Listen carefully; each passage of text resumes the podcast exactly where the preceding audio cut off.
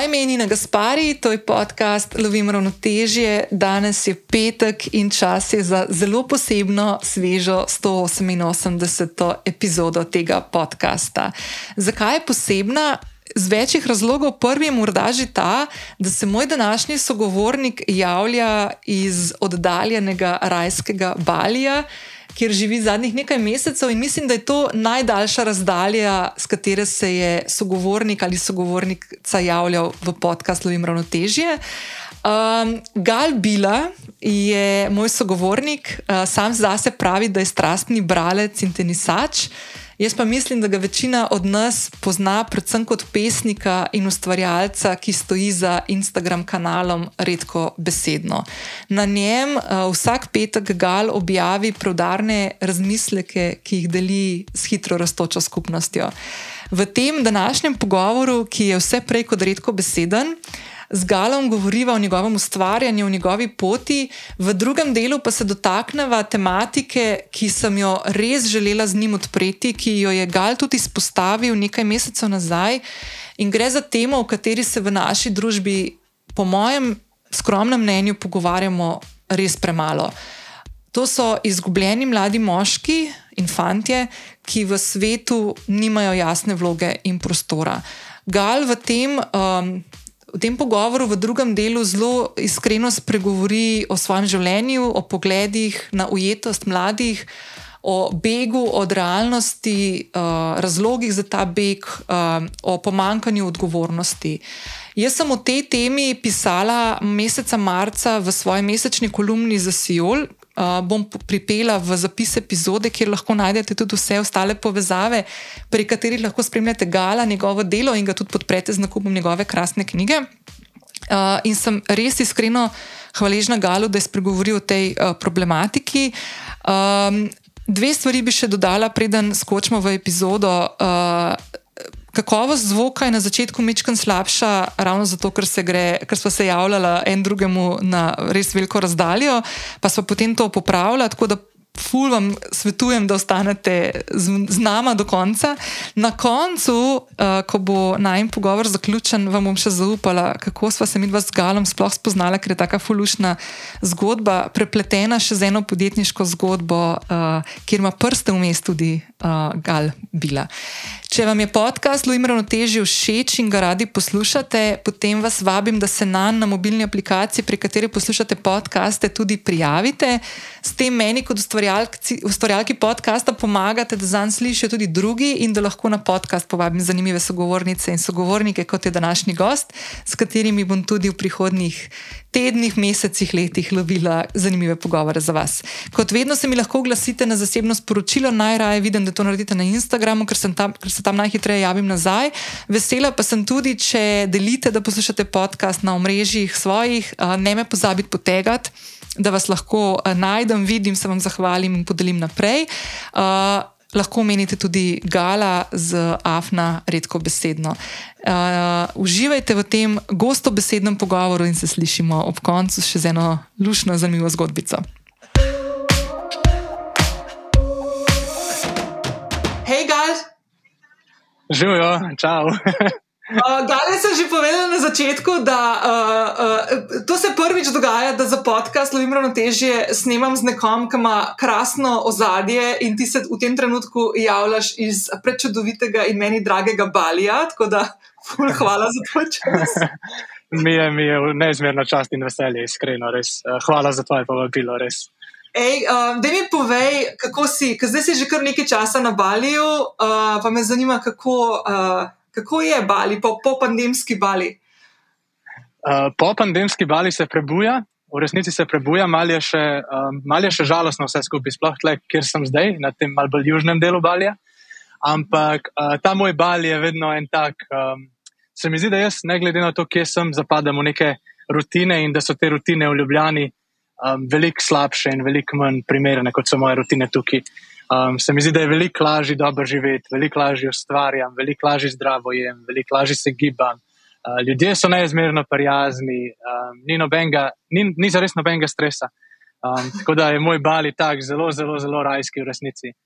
Um, sem pa, sem pa bolj, bolj stabilen, uh, se bolj preselim sem in um, sem bolj na mestu in ustvarjam, delam, uživam, plavam, surfam, dobro jem, v fitness hodam. Um, fajn sem, v resnici sem fajn, predvsem se res dobro počutim pleno. Ej, dobro, z vsemi stvarmi se strinjam, ker pri meni je isto, razen to, da mi rutine vedno razpadejo, kamorkoli grem. To mi pa vedno razpade. Okay, mogoče za dlje časa pa lahko izpostaviš ja. nove. Ja. Ej, um, dej, gal, mogoče tako za začetek. Um, veš, kaj bi te m, prosila najprej, da se čistko po svojem občutku pa željah uh, predstaviš, kdo je gal. Ja, hm. ja, gal je. Jaz bi rekel eno relativno zanimivo biti, ali kaj je zanimivo, besede, da jih preveč ne maram. Ampak um, zdaj v tem zadnjem obdobju, zdaj s tem nekim, da rekovaj, usponom, redko besedno in um, tem, da me ljudje poznajo kot nekoga, ki nekaj piše. In sploh mi je zelo čudno to, da neko, pišem neko kvazi poezijo, neke kratke zapise.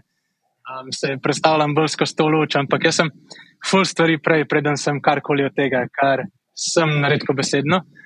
Um, včasih, včasih sem rekel, še vedno to verjamem, da je mogoče pisanje ali pa izražanje ali pa kakršno koli v bistvu ustvarjalnost ali umetnost, ko nekje bi rekel na ne 15 do 20 mestu tega, kaj jaz v življenju počnem ali rad ali dober. Se mi zdi, da je fajn, da te stvari, ki jih počneš, rad, da jih počneš tudi dobro, oziroma da je to nekako prepleten. Ni, mislim, srečo imaš, če je tako v življenju. Ampak jaz, ful, mene, ful stvari še predtem bolj zanima. Od uh, nekaj zelo, zelo rad berem. Um, branje je definitivno nekaj, kar počnem neprimerno, lažje pišem. Um, potem zelo rad um, dobro jem, um, zelo rad igram tenis, um, zelo rad. Zelo rad. Hm. Bi, rekel, ja, bi rekel, da mogoče bi želel povedati to, da se dejansko moje življenje tako zadnjih nekaj, recimo, petih do šestih letih, tako drastično spremenilo redko besedno je malenko zle, 2019 se mi zdi, ali 2, nisem čest prepričan, mogoče 2020. Um, ampak da sem včasih tudi živel en bolj tak live, bi rekel, neodgovoren, um, bi rekel, tak en beg pred nekimi, beg in pred odgovornostjo in pred neko realnostjo. Um, tako tak, easy, fučka se mi za vse v narekovaji življenje. Um, in v bistvu mi tudi tudi takrat ni bilo zares zelo slabo. No, dobro bi bilo, da bi rekel, da mi je takrat bilo zelo slabo in da, da, da, da, da nisem živel dobro, ma nič res to. Um, sam sem živel drugače um, in predvsem veliko manj polno, to se mi zdi pomembno. Um, veliko manj polno življenje je vedno bilo tako belena, taka neka ravna zadeva. V bistvu pa si fulbol želim nekih usponov in pacov in nekih početi neke stvari, ki so izven moje cune obdobja. In, zdaj sploh s tem nekim ustvarjanjem in stvari, ki jih druge počnemo, od um, nekih spletnih trgovin do tega, da zdaj dejansko potujem, um, živim na drugem koncu sveta, posebej tokrat za pol leta, um, ustvarjam, dobro se počutim, um, nekako tako bi rekel. In verjetno si predstavljam en velik del tega, da je tudi gre za hvala, mogoče redko besedno. Ampak ne to k temu, v bistvu sploh ne temu, bom rekel, zato ker ne počnem zelo veliko stvari, ki bi to nekako držal ali izkoriščal. Ampak um, ne, ne, ne temu, da je to neka zelo velika zgodba in re, uspešna, v resnici uspešna, ampak temu, da sem zredko besedno v resnici prvič v življenju, v resnici prvič v življenju, um, se odločil, da bom počel nekaj dvakrat na teden na začetku, potem. Ne, vsak, vsake dva dni na začetku, potem dvakrat na teden in zdaj enkrat na teden. Um, Ker ne glede na to, kako se bom počutil, ali se mi bo dal, ali se mi ne bo dal, ali bom imel čudovit dan, ali bom imel zares slab dan, ali bom imel čas, ali ga ne bom imel časa, ali mi bojo stvari všeč, ali mi ne bojo všeč. Um, karkoli, karkoli v življenju bo, bom pač nekaj napisal in objavil. Um, in to je bilo v resnici zelo, zelo prelomno. Če bi, če bi karkoli mogel reči, bi rekel ljudem, ki mi pišejo, velikrat mi pišejo, gal, kako da to veliko sledilcev in vedno odgovorim, da to, če ti je pomembno. Um, če ti je pomembno, obstajajo neke stvari, ki jih lahko počneš, sam se mi zdi, da je veliko bolj pomembno, da dejansko imaš neko stvar, ki je bolj pomembna od tega, kako se počutiš, uh, kakšen dan imaš, uh, kakšne občutke imaš, misliš, da boš lahko ali ne, so ti stvari všeč ali ne. Pač ne glede na to, kaj je, narediš in daš nekaj od sebe, ali si zadovoljen s tem ali ne. Jaz še vedno z ničemer, kar dam od sebe, nisem zadovoljen. Tako da um, vsakeč um, preberem stvari 50, krat jih popravljam in se sekiram in uh, vsaj 9 od 10 objav raje ne bi objavil kot objavim. Če sem čisto iskren, ne vem, kako naj rečem drugače. Uh, več se borim s tem, kot s tem, da karkoli napišem. No. Se ti malo smejo, kaj mi je smešno. Uh, mislim, fum je dobro, ker si tako iskren. Veš, kaj mi je smešno na začetku? Si tako rekel, uh, uporabil si besedo kvazi, ne? kvazi poezija. Pa jaz čisto ne razumem, zakaj si kvazi, ker zdaj na koncu si pa govoril redko besedno uh, kanalu. Je pa tako tak občutek, da je to nek tak prostor, ki ti ful veliko pomeni, v katerega vlagaš ja. ogromno energije. Eh, tudi časa razmisleka, premisleka, uh, tehtanja, a bi ali ne bi, kaj bi, kako bi v besedo. Ti tako zelo, zelo, zelo, kot razgleda tako lahkotno brati tvoje objave petkove, dejansko tako se čuti, da kur premisliš vsako besedo, ki jo uporabiš. Da to ni neki kvazi pol, ne? Ja, jaz bi, jaz bi definitivno ločil najprej to, kar je, kar je, kar je v, v dejanski sliki, v objavi ali znotraj tega posta, teh včasih dve vrstici, tri vrstice, pet vrstic tega, kar napišemo spodaj. Um, zdaj, glih pred časom, jaz nikoli ne vem, kaj napisati ta bio, oziroma nikoli ne vem, pač napišem, se beremo v petek ali nekaj. Zdaj sem z velikimi črkami napisal, naj ljudje ne berejo uh, tega v fotografiji, ampak gre te stvari spodaj. Zato, ker te stvari zgori ljudje delijo in te stvari zgori so nekaj, kar, kar, je, kar je v resnici pomembno, zato ker želiš, da nekako saj se zaustavijo ljudje. Ampak mhm. jaz nikoli, jaz te stvari, nikoli, zares ne napišem najprej teh stvari zgori, ampak napišem neko stvar, um, napišem neko odstavek, več odstavkov, vedno je teh 2200 besed, mislim, uh, znakov, ker moram vedno brisati stvari, ki preveč napišem. Ampak potem iz tega ven napišem nekaj, kar je pa ok, da bi rekel neka obnova ali ne vem, kaj bi rekel, punčline tega, kar želim danes napisati. Uh, je pa to zelo tako, v bistvu, na, od, od mojega dnevnega počutja odvisno, o čem govorim in pišem. No. Um, se mi pa zdi, da je pa nikoli nisem zares vedel, kaj je veljo tega sploh za ljudi. Meni je to bilo vedno tako res velika uganka. Jaz, um, jaz sem prej probil pisati nek blog, ne vem koliko strani, ki ga noben. Mislim, da ne vem, če so štiri ljudi prebrali blog z mojimi starši, ured, tako da potem ne, ne ostane več zelo veliko ljudi drugih.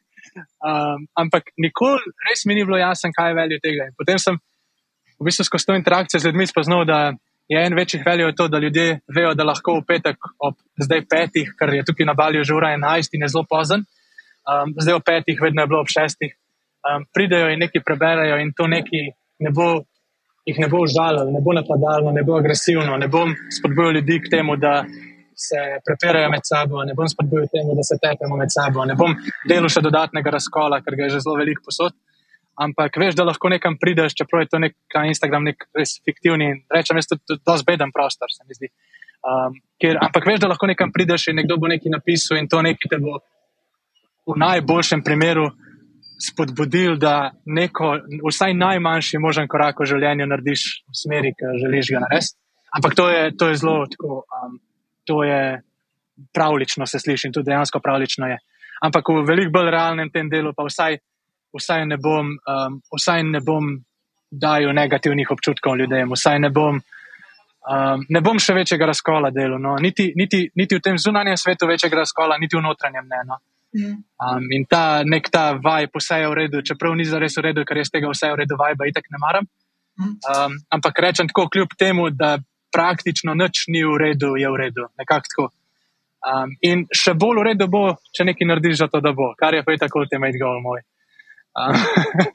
nekako tako. In potem ta nek punčline zgori v teh dveh do treh vrsticah, um, ljudje poimenujejo ali neki utrinki, ali neke misli, ali karkoli, res. Jaz sem, jaz sem za samo redo, niti jaz ne vem, kako te, kaj temu reči, če sem čest iskren. nekako tako. Ej, Gal, veš, kaj me zanima? Um, a veš, kaj ti imaš zdaj tako, si razložil, da imaš v bistvu vsako petkovo objavo, ki jo daš ven, imaš razdeljeno na dva dela. Eno je ta vizualni del, kjer je vem, dve vrstici, pet vrstic, kako koli pač nekaj izpostavlja na misli, potem imaš pa ta caption, opis, del pod samo, rečemo, grafiko oziroma fotko, kjer v bistvu fulbr razdelaš neko razmišljanje, ki ga imaš v tistem tednu ali pa dnevu. Ker del, prej si omenil, tako, da si ne zadovoljen, da je tako, ne vem, 9 od 10 krat ne bi objavil, pa pol so vse tako mal, ne prsilaš, ampak rečeš tudi, to je del tega procesa. Ker del tebe največ razmišljanj, pa, pa teh občutkov, da moraš uh, izpopolniti, uh, vzame ta, grafi, ta, ta del, ki je na fotki grafično postavljen, ali un caption del. Um, ja, ne, ta caption del mi je veliko bolj naraven. Um, veliko lažje ga, velik ga napišem. Ta caption del je vedno, vedno v bistvu izkoristim dejansko vseh 2200 znakov, ampak jaz za to rabim včasih 10, 15, 20, če res, če se res, mislim, ne, če res ne vem, kaj bi napisal, ampak če imam res probleme z izražanjem, nimam najboljšega dneva, ne morem zbrati misli, rabim pol ure. Ampak ta del zgori, ta punchline, ta poezija, ta teh par vrstic je pa mal večji problem, ker to pa včasih dejansko popravljam. Ne vem, stokrat, ne vem, kako naj to sploh. V, v smislu, pač vem približno, kaj napisati, ampak že na začetku sem se odločil, da bom dejansko pisal čim bolj kratko, kar pomeni, da če ko nekaj napišem, če lahko napišem bolj kratko, brez da izgubi preveč pomena, napišem vedno bolj kratko. Uh, to je v bistvu eno redko pravilo, ki ga imam, um, praktično edino. Um, ampak vseeno, včasih, dejansko včasih eno stvar popravim stokrat. Um, in to tako, neke take popravke, ki v bistvu na koncu dam uh, ljudem okoli sebe za prebrati, in pa se tako jaz ne vidim, da zares kaj je različno. Um, mm. jaz, sem pa, jaz sem pa nezadovoljen in mi ni všeč in um, se sakeram. Tudi pol srečam, je mogo biti isto drugo stvar objavljeno, to je lahko bilo boljše. Um, ampak to spodaj mi je veliko bolj naravno. Jaz, če bi lahko, uh, v resnici, če bi lahko, verjetno, ne vem, bi dajal prazne stvari, gor, brez česar koli, ali bel, samo belo fotografijo, kaj ne vem. Um, se mi zdi tisto spodaj fulman pomembno. Zato sem dejansko, zato sem v bio napisal. Um, vedno sem imel, se beremo v petek, nikoli nisem vedel, kaj za res napisati. Um, zdaj pa imam napisan z velikimi tiskanimi črkami, ne berite tega, kar piše zgoraj, ampak piše spodaj. Se mi zdi dejansko edino pomembno. Um. E, sorry, sorry, kaj ti bom zdaj nekaj rekla. Mene pa lepo um ta spodnji del vedno prebrati, ker se mi zdi. Ful dobra, uh, ful dobra taka, um, tako ravnoteže med tem, uh, tako zelo poglobljeno, spiljeno mislijo, ko je daš gor ta punchline, uh, pa s tistim uh, spremljevalnim, ker tako res se mi zdi, tako, da ful ti kot človek prideš do izraza. Veš, tako, uh, ker nimaš fotke, ni tako zelo os osebno, v navednicah osebno, ampak ti zdaj je pa ful oseben, pa ful, si pa ful ti. In tako tebe spoznavamo čez kepšne v bistvu. Ja, točno to. Ja, jaz slišim že zelo dolgo, sem podcast en čudovit način, sam jaz nekako nimam, nimam zares poguma. Ne vem, ne vem, če bi rekel pogum, ker ne vem, če je zares pogum problem, ampak Uh, si predstavljam, da bi bil ful preveč samokritičen, da bi lahko karkoli ta zga delo. Ampak uh, jaz, jaz iščem način, kjer bi lahko dejansko dajal samo to spodaj. Jaz bi ful rekel, da ljudje, jaz, če, če, če je karkoli veljo tega redko besedno, bi ful rekel, da ljudje mal slišijo ali pa vidijo ali pa da živijo to, kako jaz na svet gledam. No. Se mi zdi, da če bi. Če bi več ljudi, tako se to, se to je mogoče malo egoistično, pa mogoče tudi malo narcisistično, če sem iskren, ampak če bi več ljudi na svet gledali, imam občutek, da bi bil svet lepši ne samo overall svet lepši, ampak tudi notranji svet lepši. No? Um, kar je pravi, zavedam se, da se to sliši tako dejansko, kot um, ve, kaj dela, doživel je veliko ne vem kaj, noč od tega mogoče ni res, ampak se mi zdi, da je ta, moj, ta, moj, moje doživljanje, moj notranji svet je tak velik. Velik, ne nujno lažje, ampak vsaj veš, proti čemu se boriš. No? To, mogoče to. E, ampak, veš, ti si prej, prej si omenil to, točno to, ne, da nočeš še dodatno neke negativnosti, pa nočeš razdvajati, ker smo že tako ful razdvojeni. Meni se tle, ful si to lepo v besedu in tudi jaz, na primer, imam. Ful to željo in vsakič znova preverjam. Mogoče ne toliko na Instagramu, ki mi je tako res ljub kanal, pa v nekem mehurčku sem, pa vse je tako res tako dokaj pozitivno, čeprav se pogovarjamo tudi dosti o kakšnih temah, ki so mogoče malo take te težje. Pa se mi zdi to prav in pomembno. Ampak, naprimer, na kakšnih drugih kanalih, naprimer Twitter. Ne? Jaz, na primer, imam sicer vedno manj, ampak imela sem kar eno tako obdobje, ko sem se mogla. Prav tako zavestno, pa včasih na momente, kar mal prisiliti, da nisem padla v neko to, negativ, te, v ta hrček, veš, moment, uh, da, da padeš v neko negativno, zato ker je toliko tega okrog tebe, da v bistvu težko prepoznaš, pa vidiš nek moment, da bi bil mogoče malo bolj konstruktiven, pa povezovalen, pa pozitiven. Ampak imaš ti tako občutek, kdaj ali, um, ali ne? Ja, ja jaz, imam, jaz, imam, jaz imam zelo mešane občutke glede tega. Jaz, jaz nisem fan Instagrama, sploh v resnici. Instagram je kaj, ne vem kako ne rečem, sploh ne vem, ali je kolateralna škoda ali je nujno zlo, mogoče bolj. Uh, problem je, in še potem je drugi problem, je, redko besedno je zdaj zelo, zelo, zelo velik profil, tako v resnici velik profil. Um, in je problem, problem v narekovajih, da dejansko karkoli objavim, jaz ljudem, jaz ljudem želim odgovoriti. To je meni veliko bolj pomembno, da se jaz dejansko po vsaki zahvali vsem ljudem, čišči, čisto sem, ki delijo to javno, se pravi, da jaz lahko vidim znotraj objave, da so ljudje delili. In takih ljudi vsak petek rečem, recimo 400, 300, 500, kdaj. Uh, jaz čisto vsakmu človeku zdaj na Balju, tako izjutraj v soboto, ko se zbudim, ker je v Sloveniji še noč in je veliko lažje um, dejansko vsakemu človeku poimensko napišem um, zahvalo v zasebno sporočilo. Zato, ker mi ni samo umevno, da ljudje delijo take stvari. Ampak, da se vrnem nazaj, problem je, problem je, ker je ta komunikacija na mojem Instagramu zelo, zelo, zelo enosmerna. In jaz ne želim, da je, ampak nimam rešitve za to, v resnici je nimam. Jaz tudi, če naredim nek story in dam v nek story, jaz ne, ne, jaz ne morem tega sploh opisati, ker je dejansko zares nepredstavljivo. Ampak jaz dobim 500, 600 sporočil In jaz nisem tako, da lahko nekaj sporočila, niti, niti nisem tako, da jih lahko samo všečkam. Ne vem, kako naj to povem. Jaz, ki je prvič nekdo redko besedno delil objavo, jaz sem bil isto presenečen, a niti presenečen, ne vem, če je sploh dovolj dobra beseda, ampak tako prav, ob, ne vem, obnemev ali ne vem, kaj ne sploh rečem, da, da nekdo to kar deli, kot kar sem zdaj. Isto, za me se ni zares čisto spremenil. Um, in zato jaz objavljam na Instagram enkrat na teden. Um, ne morem več, enostavno več ne držim. Zato, ker jaz za objavo rabim vse skupaj z vsemi stvarmi, mogoče uro, uro, pa pol, dve ure, včasih tri ure, ampak jaz potem za to, kar pride po objavi, v resnici porabim, bom rekel, vsaj 20 ur. Vsaj 20 ur. Sam ti pa nimaš enosmerne komunikacije na Instagramu, imaš prekleto dvosmer. Ja. Sam, jaz, jaz, ja, sam jaz sem še bolj fan te take komunikacije, tako, da, je še, da, je, da je še bolj dvosmerna. Jaz bi se rad. Jaz bi se rad od ljudi, ki mi nekaj napišejo, kaj naučijo. Ne, ne obratno, se mi zdi, da bi mi to bilo bolj dragoceno. No. Sam nimam, nimam, ne morem se proti temu boriti, nič ne morem narediti. Ljudje me vprašajo, zakaj nobenemu na profilu ne slediš. Sem tako, ker sem, ne vem, zato, ker na začetku nisem nobenemu sledil, zato ker sem rekel, da bom imel en in edini profil, ki pač na njem ne bom porabljal še dodatno preveč časa, ki ga že porabljam na Instagramu. Um, mm. Čeprav na osebnem profilu mislim, da sem na zadnji objavil pet let nazaj neko sliko ali štiri leta, ne vem, nima veze. Ampak ne, ne porabljam zelo veliko časa na Instagramu. Sam so tudi vse ostale stvari, ki jih počnem tako ali drugače, vezane na Instagram. In mm. sem rekel, ok, nekje bom prišel, ko bom šel na unzit in ne bo nič. In bo pisal, ok, če hočeš karkoli videti, moraš nekomu slediti. Um, ampak to je, bilo, to je bilo zabavno in fajn se je slišal, dokler pač je redko besedno sledilo, ne vem, šest ljudi. Um, na neki točki pa rataš, ne vem, mislim, da verjetno si predstavljam, da dajem občutek, da sem ignorantski in kaj, kaj, kaj se sploh dogaja. Ne vem, ljudje, profili 100 tisoč ljudmi in več delijo moje objave in jaz sem tako prosti, niti pač sledim. Ne. Um, ja. Kaj šele delim to, da si delil mojo knjigo ali um, delil mojo objavo ali napisal en lep post ali karkoli. Jaz niti tega ne delim, niti os, nek, nek osnovni ta engagement, osnovna ta, ne, ne bi rekel engagement, ampak osnove odnosa ne upoštevam na tem Instagramu in me v resnici sram. -huh. V mhm. resnici me sram.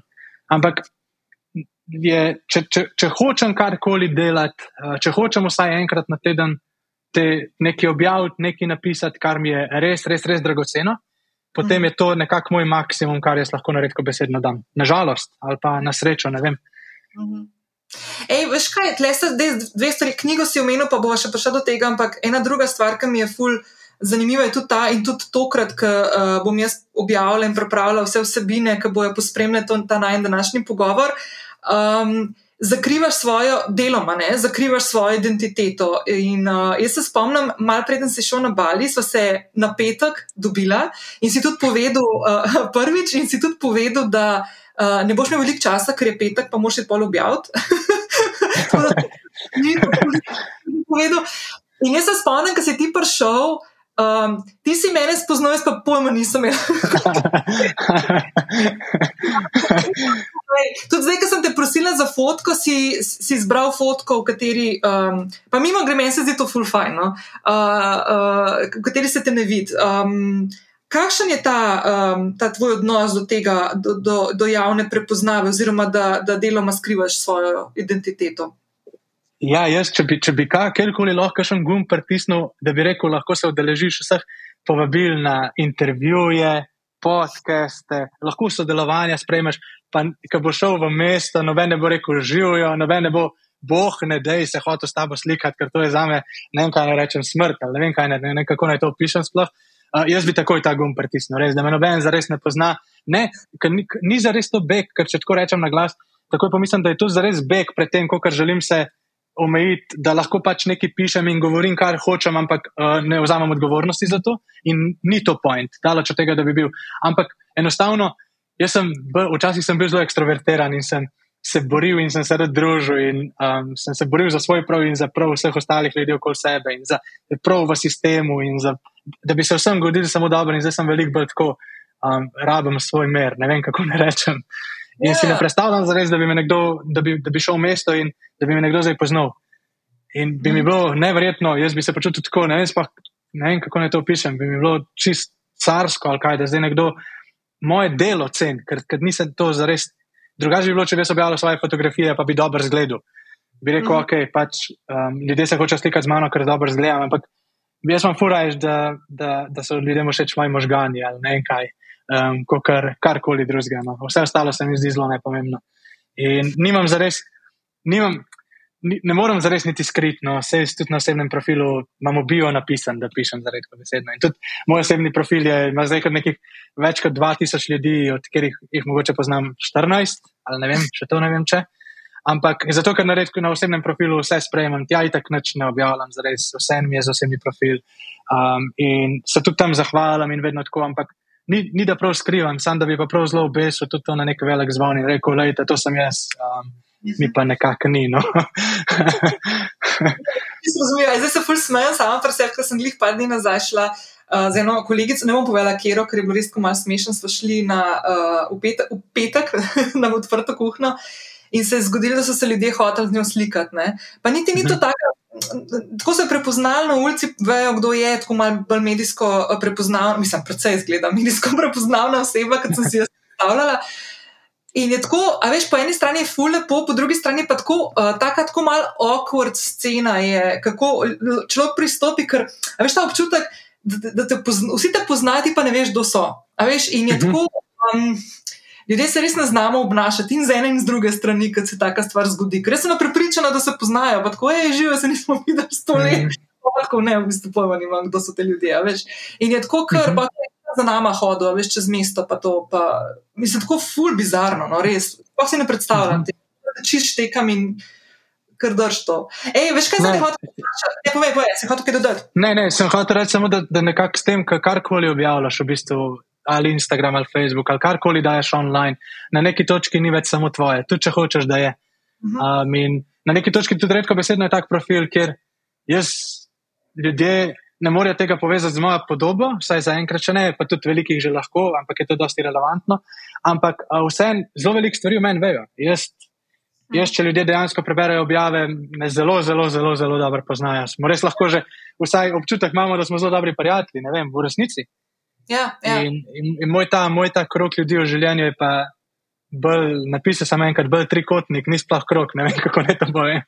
Je bolj mehen, no, zelo, zelo mehen. In, um, ja. zelo, zelo zaprt in najraje bi, da se nikoli več ne spremeni in da um, samo stane do konca tako in to je to.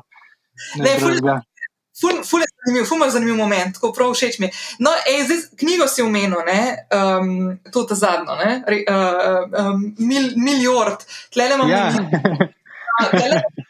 Pa ti moram povedati kot dve stvari. Ne? Prvič, da mi je totalno, mislim, še to ne, se boš povedal to sam. Če sem jaz takrat, ko sem se dobila prav razumela, ti si to knjigo v celoti naredil sam, no se tudi piše v kolofonu, ne, tudi oblikoval pa vse. Um, ja. No, zdaj pa, um, veš, kaj bi te prosila, da malo povej, kako je ta knjiga nastala, pa kaj je v njej. Pa bi te pa prosila, če se mogoče lahko še malo navežeš. Eno stvar, ki si jo naredil zdaj le v zadnjem mesecu, a ne tam z, iz krasnega balija, je tudi tebe tja dosegla um, uh, ta katastrofa poplav, ki se je zgodila v Sloveniji, in si se ful angažiral v tem, da si tudi ti pomagal. Um, Zbrati en kup enih sredstev, da jim mogoče malo to povej, kako se, to, kako se je knjiga zgodila, rodila, pa pol. Ja.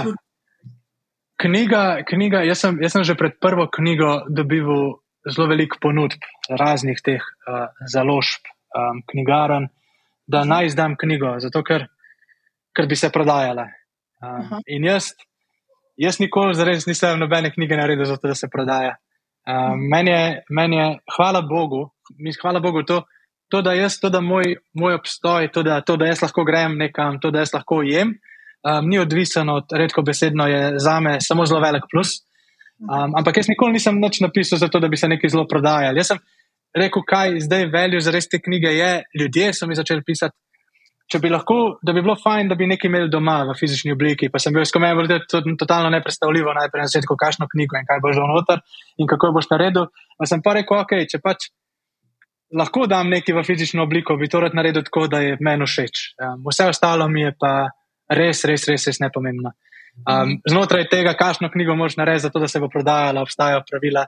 Um, ti jih poznaš, jaz jih poznam. Um, obstajajo barve, obstajajo postavitve, ki jih lahko na knjigo daješ, obstajajo fotografije, ki jih lahko daš, obstaja marketing, ki ga lahko delaš, obstaja um, podcasti, obstajajo, da hodiš po knjigarnah in imaš predavanja o knjigi, podpisovanje knjig, event, o knjig. Jaz nič od tega zares ne nisem hotel, ne načrtoval, ne imel nič. Um, jaz sem hotel samo nekaj imeti v fizični obliki, ki bi bilo meni všeč, oziroma če more biti nekaj v fizični obliki, naj mi bo všeč. Um, in je potem dejansko tudi ljudem všeč.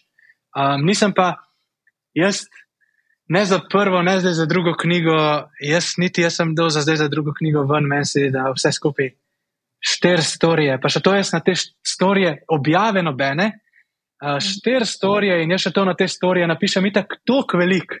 Zato ker ne vem, itak kaj naj fotografiram in pa sem fotografiral knjige, ker so prišle in sem napisal, jo, samo malo, pač knjiga je prišla. Če, bi jo kdo rad imel, bom pol vesel, če jo naročite, če ne pa res na čudga, v resnici na čudga. Um, in ljudje jo naročijo in ljudem je všeč in jaz sem hvaležen za to in uh, ne ponosen, tudi v resnici ponosen, sploh zdaj na to svojo drugo knjigo, ker je še bližje temu. Prva je pač tako, tako nek, reko, rečem, neka pot učenja, ali ne vem kaj ne rečem, neki spoznavanja s tem, kaj sploh pomeni, nekaj napisati, nekaj izdati. Medtem, ko ta druga že veliko bolj taka, ker sem si jaz predstavljal, da bi ima knjiga vlana. Um, ampak sem videl, mislim, na Balju, ali kjerkoli, ni za res. Tudi lani sem, lani sem bil isto na Balju v tem času in so bili požari po Sloveniji. In sem se že prav takrat razmišljal in se pogovarjal, kako bi se sploh, če si stran od situacije, se sploh zares ne zavedaš te razsežnosti. Um, in zdaj je bilo enako. Jaz sem imel še v petek pripravljeno objavo.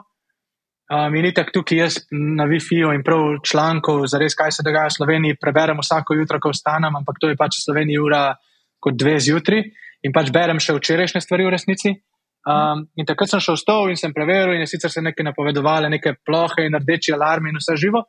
In potem sem že imel napisano objavo in je bila tle ura deset zvečer, se pravi v Sloveniji štiri, da sem začel pripravljati na objavo. In kar naenkrat odprem svoj osebni Instagram in vidim, da ljudje objavljajo, da je vse poplavljeno.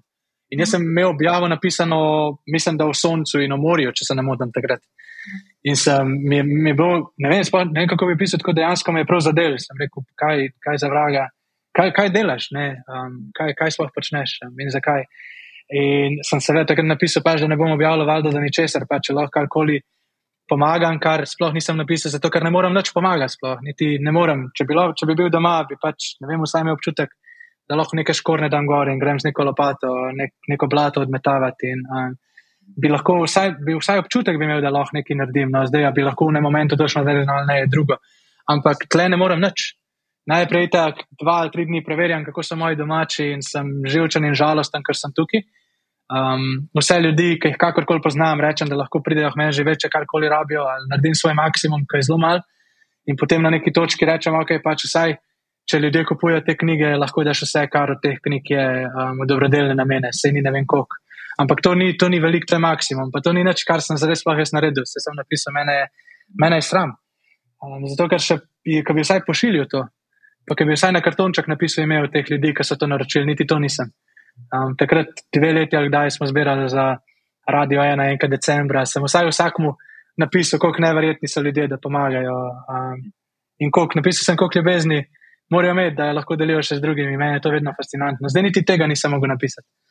Um, mm -hmm. Tako da je bil res minimum. In še ljudje, ki mi pomagajo, da ima bratje in sestri in mami, um, pošiljati knjige in ostale stvari, um, so imeli ogromen dela s tem.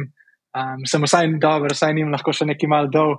Um, ampak ja, minimum je. Sem pa vesel, da, da če je ta Instagram karkoli, je to, da pač ljudje, če jaz nekako napišem teh pet storij ali koliko sem napisal, ljudje kar nekako stop, stopimo skupaj in kar nekako ljudje pomagajo. In jaz dam samo en mehan mozaik v to, ampak ta odkom je pa potem neprimerno večji, kar meni ful veseli v resnici.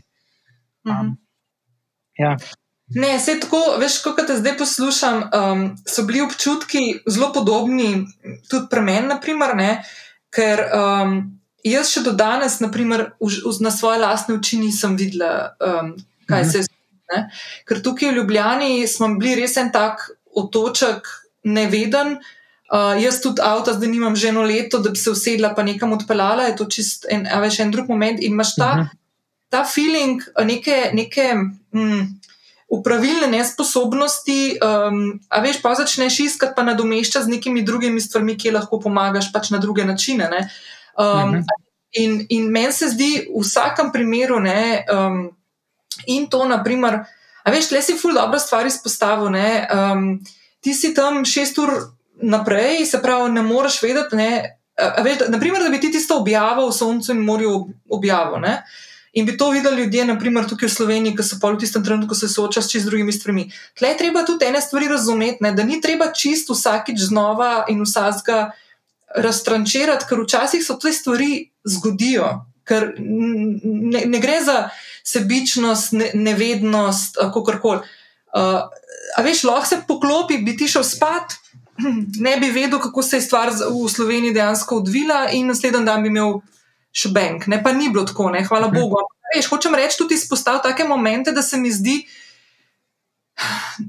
meni je bilo, na primer, najbolj grozno opazovati te napade, ki so se pol dogajali, par dni potem, ko so se te poplave zgodile. Um, in sem videla en kup enih teh napadov na podjetji, podjetnike, male podjetnike in podjetnice, ki so poskušali držati neko, v navednicah, stanje normale. A veš, stvari morajo iti naprej, te ljudje imajo račune za plačati, imajo zaposlene. Imajo, a veš, ne moreš ti zdaj tako kar ustaviti vse, pa, pa, pa pustiti. Ne, treba je neka, ne, nekje treba najti nek način, da grejo stvari. Ja. Ja, to, to, se, to se definitivno strinjam, samo pravim, da mislim, jaz, jaz ne, niti ne branim nobenih napadov, niti ne napadam nikogar, ampak se ja. mi zdi, da je vsem pomembno, da je tle en aspekt tega, da, da če ne veš, nevednost je pomembna. Um, mm. Drugi aspekt tega je pa, da sem, jaz sem tudi videl jaz, ma, mla, male podjetnike in um, ljudi, ki jaz, jaz zagovarjam, da nekako tako ali drugače treba iti življenje naprej. In jaz mislim, jaz mislim, da bolj kot posameznik lahko gre življenjem naprej, več tudi lahko da in pomaga. Mhm. Jaz se s tem definitivno strinjam. Sam se pa strinjam tudi s tem, da imamo, je bilo tudi nekaj primerov takih, ki je pač v smislu, ok. Um, razumem, da so vaše hiše poplavljene, ampak tukaj je po 10% popusta za jogi. Um, tam, tam jaz ne, na neki točki pa postavljam mejo in rečem, pli, samo malo, ne, ne v smislu. Jaz še enkrat, jaz, jaz, sem, jaz sem šel nekako čez ta svoj, um, ta svoj boj, ta, ta obdobje boja z vsemi ljudmi in dokazovanja svojega prav in tega, da me ljudje narobe. Ampak jaz na svoji tej moralni lestvici nekje postavljam mejo in to je, to, to je zihar čez mejo. No. Po, po ja, mojem ja. mnenju je to čez mejo še vedno ne napadam, niti ne branim, niti nič, ampak um, tam, na tej moji moralni lestvici je to čez mejo. Jaz, če, bi, jaz, če bi objavil in če, de, če dejansko ne bi vedel, ker se je to skoraj zgodilo, v resnici se je skoraj zgodilo, jaz samo, če ne bi šel na svoj osebni Instagram, kar ne grem zelo pogosto, ne bi tega vedel, mhm. um, bi to zbrisal in bi se upravičil. Mhm. Dejansko bi. Zato, ker jaz, jaz mislim, da. Če imaš nek following base, če, če to, kar ti nekaj napišeš, ljudje preberajo, je dobro, da si pozoren na to, kaj napišeš. Absolutno, um, nekaj odgovornost držiš. Ne? Absolutno. Točno tako, ja. Točno tako. Ja, se strinjam tudi, da so bili primeri, ki so bili res taki šolski primeri, kaj ne narediš. Ne? Ampak, mhm. ja, ja. pa ni črno-belo. No? Hoče, hotela sem v bistvu to izpostaviti. V bistvu je ogromne ene sivine tudi tle vmes, ki si mogoče. Mhm. Ali ne zaslužiš neke full hvale ali pa full graje, no? ampak pač samo je. Mhm. Tako da ja. Tako, uh, življenje je bolj kot nesivina, itak. Čeprav želimo, da je črno-belo, želimo nekako nekaj upredati, nekaj umestiti, da nekim stvarem neko vrednost in to je najbolj črno ali belo, pa nikoli za res ni. Ne. Ja. Um, neč, neč ni dovolj skrajno, da bi bilo. No. Ne, itak, itak. Ej, Gabiš, ena stvar, ki sem, um, sem ti takrat, ko sem te povabila za, na pogovor, uh, ki sem v bistvu hotela s tabo odpreti, ki si jo sam odprl, ne, tematiko. Eno, ki je meni v bistvu ful, ful, ful. Um, Ma ne samo pomembna, zdi se mi, da se ful premalo v naši družbi posvečamo tej problematiki, ki si jo ti izpostavil. Mislim, da je bilo konec meseca maja, ko se je v Srbiji zgodil tisti, uh, bom uh -huh. rekla, pol na eni od osnovnih šol. Uh -huh. uh, ti si takrat na redko besedno objavil niz enih uh, storij objav, v katerih si izpostavil točno problem, v katerem se, po mojem, pri nas v slovenski družbi še premalo pogovarjamo, v tujini pa tej problematiki namenjajo že kar veliko prostora in raziskav. -huh. in, in to je mladi fanti, moški, uh, njihovo mesto v družbi uh, kje je, kakšna je vloga in neka ta, ta občutek zgubljenosti, oziroma da, da se nahaja te, bom rekla tako, no, ker si tudi ti del tega, mislim, te skupnosti oziroma te mhm. generacije, da se nahajate v bistvu v enem precepu družbenem, ki ne veste čist dobro, kje je vaše mesto.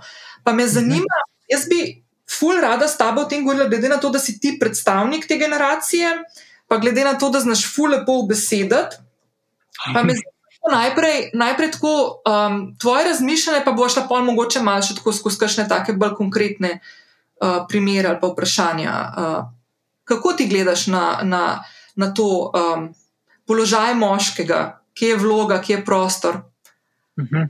jaz, je, jaz, jaz, jaz imam zelo rad družbene fenomene, jaz, opazujem, jaz zelo rad opazujem stvari, ki se dogajajo. Um, in sploh tudi v povezavi neki, z nekakšnim študijem, ki sem ga študiral, v povezavi s stvarmi, ki so me zanimale, od nekega budizma do nekih zen, do nekih tako filozo filozofičnih smeri. Se, men, men, mene intrigirajo stvari, ki se v svetu dogajajo. In tako pred časom, par let nazaj, je bil to Jordan Peterson, ne, se še vedno je v bistvu. Ampak um, on, on je klinični, klinični psiholog in uh, je zelo, zelo, na zelo visokem nivoju se izraža. Ampak mene je intrigiralo vedno to, Um, zakaj, on, zakaj on zavedanjem govori, da on vse vsebine, ki jih on daje ven, so namenjene dejansko moškim, starim med, mislim, da on reče nekje tudi 13, kar je malo nizko za me, ampak verjamem, kdo sem, da mu ne bi verjel, 13 in 30. In zakaj so poglavje v njegovi knjigi Pospravi svojo sobo? Zakaj so poglavje v njegovi knjigi um, Naloga starša je, da poskrbi za to, da bo, da, da bo, ne, da bo da bo njegov otrok likeable, da ga bodo imeli ljudje radi.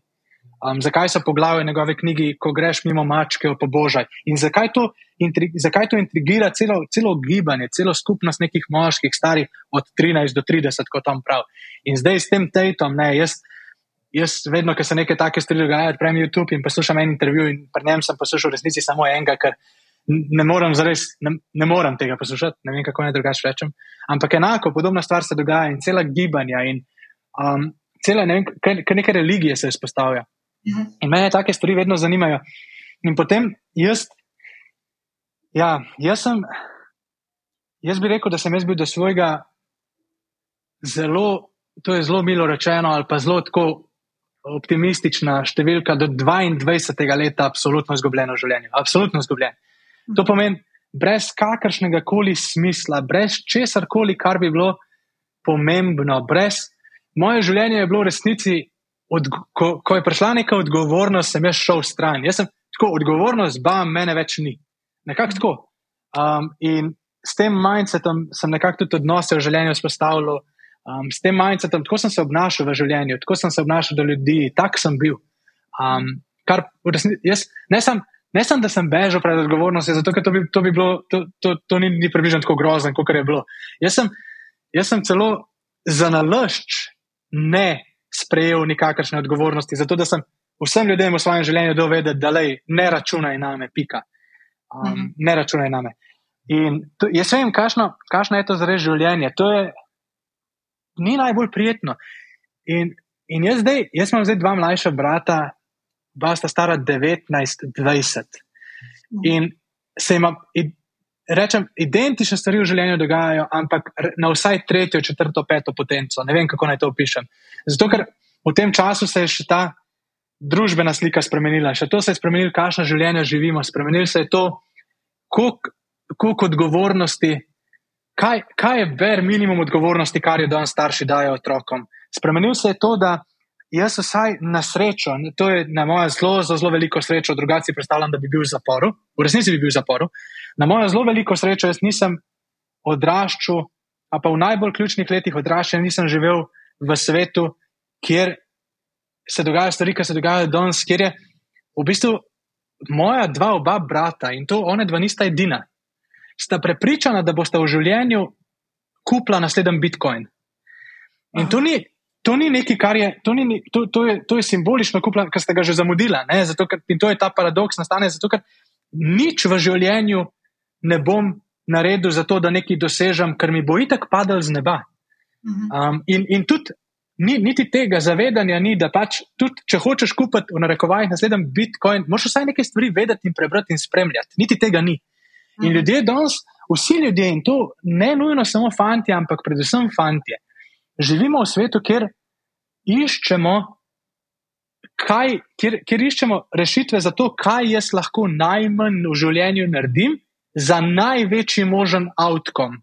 Mhm. In to je svet, jaz, to je svet, meni gre, gre kot cene po koncu, ker samo to razmišljam. To, to, to, to, to ni svet za res sploh.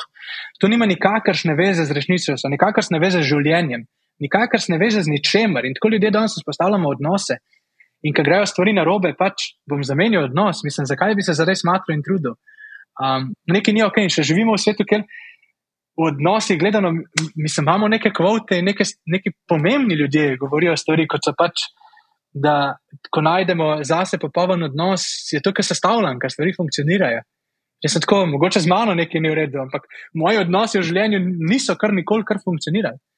Um, in jaz, jaz nisem imel te sreče, mogoče, mogoče nisem spoznal svoje sorodne duše v življenju, pa imam prekrasen odnos in prekrasne odnose zdaj na te točke v življenju, na kere sem zares ponosen. Ampak mogoče nisem imel te sreče, ampak tega kliknemo in se kar razumemo in pašemo drug z drugim, brez da bi se mogli karkoli prilagajati in spremenjati. Ni.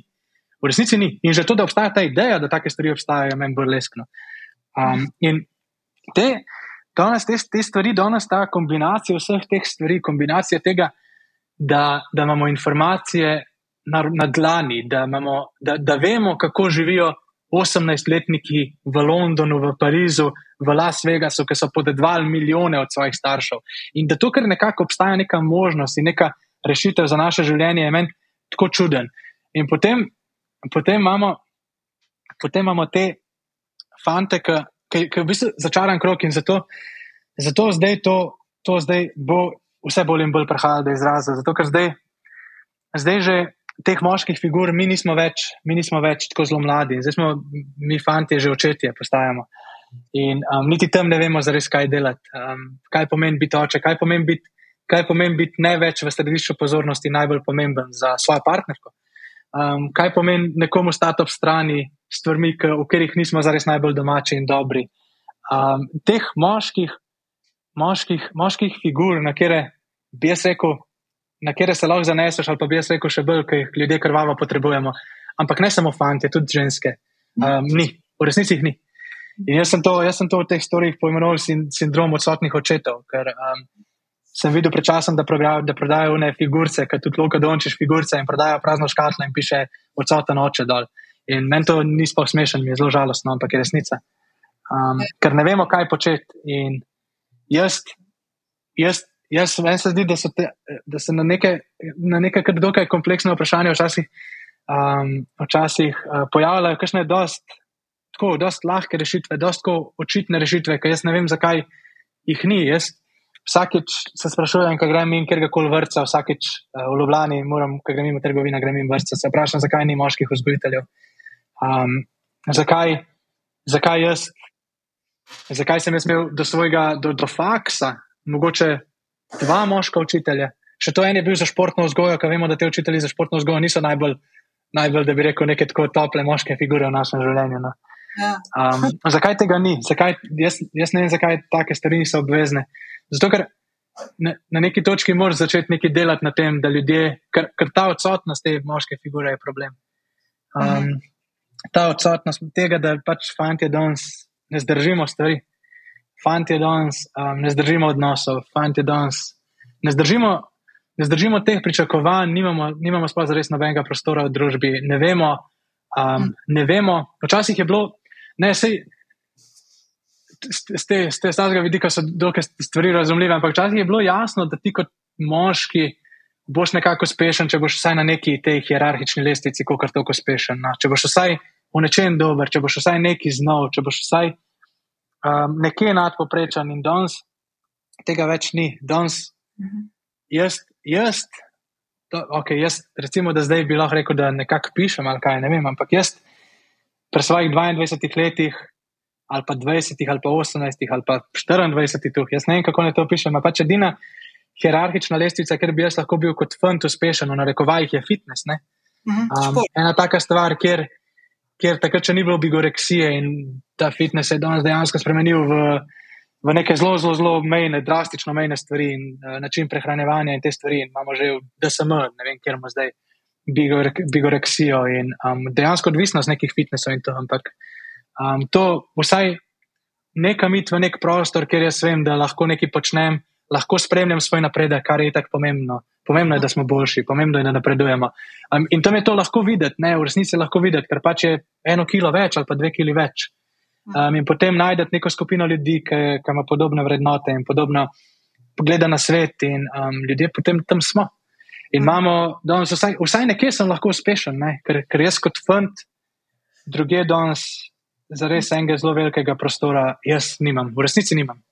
Mhm. In lahko razumem, zakaj se ljudje tako počutijo, in vem, kako je,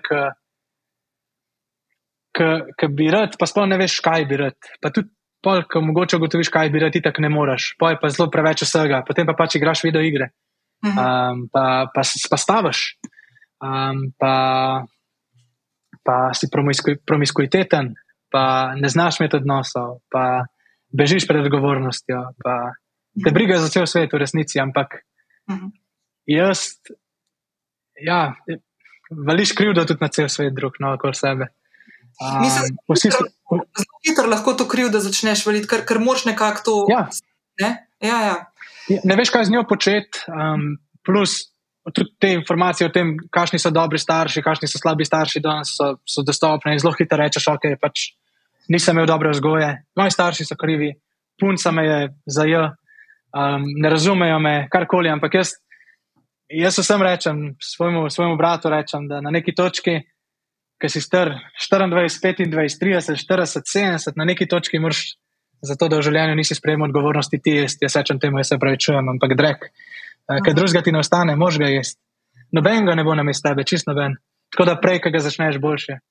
Um, Ej, tlesi, eh, če smem, če smem gal, eh, to, kar si zdaj le uh, fule po besedu, bom jaz samo, če smem, podkrepila z statističnimi podatki uh mhm. iz Slovenskega statističnega urada, ker se mi zdi um, pomembno, da včasih fakte tudi pokažemo. Um, naprimer, leta 2021 je bilo po podatkih Statističnega urada Republike Slovenije 23 odstotkov vseh slovenskih družin enostarševskih družin. Od tega jih je bilo okrog 80 odstotkov takšnih, v katerih živita mama in otrok.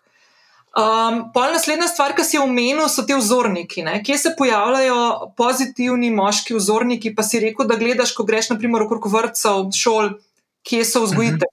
Evo, primer. Zgodila se je full feminizacija poklicev, v kateri se je zgodilo to, da so se moški praktično umaknili iz poklicev, ki delujejo na področju vzgoje, nege in skrbi za otroke. Spet podatkih Statističnega urada Republike Slovenije leta 2021 je bilo naprimer med pediatri 71 odstotkov žensk, med psihologinjami 83 odstotkov žensk, med logopedinjami 95 odstotkov žensk. Zdaj pa gledamo še vrtec pa šolo. Slovenski vrtci zaposlujejo okrog 13 tisoč vzgojiteljev in vzgojiteljic, od tega je slednjih, se pravi žensk, 96 odstotkov. Mhm. -huh. V osnovnih šolah otroke uči 87 odstotkov, učiteljic v srednjih 66 odstotkov, pa se pa razmerje malo spremeni, ko grejo na univerzo. Kar dejansko moških vedno manj gre na univerzo, ne? tudi to moramo mhm. vedeti. Uh -huh. uh, in še ena stvar, ne, da točno to ne v Sloveniji, uh, moški in ženske, ki so zaključili tercijalno izobrazbo, se pravi univerzitetno oziroma višjo. Leta 2000 je bila razlika med moškimi in ženskami 10 odstotno, pred ženskami leta 2021 pa 25 odstotkov. se pravi, 25 odstotkov, to, oziroma odstotnih točk žensk več diplomira, se pravi, dve, dve in pol na enega moškega. No, Uh -huh. Čisto Mhm. za, za primerjavo, meni se zdijo te podatki ful pomembni in izpostavil si eno stvar, ki je v Sloveniji, o tem se pač ni lepo pogovarjati, ker kao ni fair, ampak dejansko ta uh, problem, uh, fenomen odsotnih moškov, ni to samo slovenski problem, no, ampak Mhm. je zelo izrazit. Ne? Um, in se mi zdi, da um, v življenju, kjer imaš kot mlad fant, predvsem mlad fant, tudi, tudi punca, seveda, ampak predvsem kot mlad fant, kjer nimaš teh pozitivnih zgledov, si toliko bolj ranljiv in um, dovzeten za to, da ta mesta zapolnijo guruji, ki spodbujajo, da to, kar se tebi dogaja, je nekdo drug kriv. Ne? Uh, jaz sem izpostavil enega. Um, Enega, to Andrew Tate, naprimer, je tak klasičen uh, primer enega tazga guruja, ki je, po mojem, naredil ful veliko škode, no, če si iskreno. Uh -huh. Um, veš, kaj sem te hotela vprašati, Gal? Lej, um, vse to, kar si ti zdaj naštel, pa, pa, um, pa, pa v bistvu ful dobro povzel neko to realnost um, mladih fantov, um, pa ta beg v, v igrice, pa v okay, tudi porniče in tako naprej. Ne? Uh -huh. Uh, to zapiranje v domove, med štiri stene. Tle se zgodi še ena stvar, ki se v tujini jo že ful spremlja, in to je ta epidemija osamljenosti, pa socialne izoliranosti fantov, tudi deklet, ampak fantov še toliko bolj, ker ste fantje manj dovzetni za neko grajenje prijateljstev, kot smo ženske. Ženske se še vedno malo bolj zaupamo. Uh, Uh -huh. v socialnem krogu, kot se fanti, ker mimo grede, fanti tudi ne smete svojih čustev kazati, ne, bog ne Mhm. Um, kje ti tako opaziš v svojem življenju, naprimer, veš, eh, da so se kakšne take stvari zgodile, naprimer, pa ne, ne da bi šel v, nek, v neko kritiziranje, to, ampak čisto neke take stvari, ki jih mogoče ti opažaš, pa pri svojih bratih. Kje je tista stvar, naprimer, kjer, kjer je v bistvu ta največji manjko prišel do izraza in je lahko tudi neka ta posledica ta realnost, v, katerem, v kateri zdaj živijo in tvoja brata, in konec koncev si tudi ti spoznaval. Ja, ja, jaz bi rekel, da. Jaz, jaz bi rekel, da v bistvu ta, ta sploh ideja tega, kaj pomeni moški danes biti, je, je meni men je že to ena zelo, zelo zanimiva stvar. Fore, da jaz v bistvu mislim, da imamo moški v resnici že tako prav na tej nevrološki sliki in na tej mal biološki sliki, mal probleme s čustvi, v resnici mal probleme, mal ne vemo zares, kaj z njimi početi, um, ne vemo, kako. kako ni, Ne, to, to je še v redu, ne vemo, kaj z njimi početi. Najprej sploh ne znamo izraziti. Um, jaz vedno to zelo, sploh to je stvari, ki sem delil, zelo veliko punc me napiše. Ja.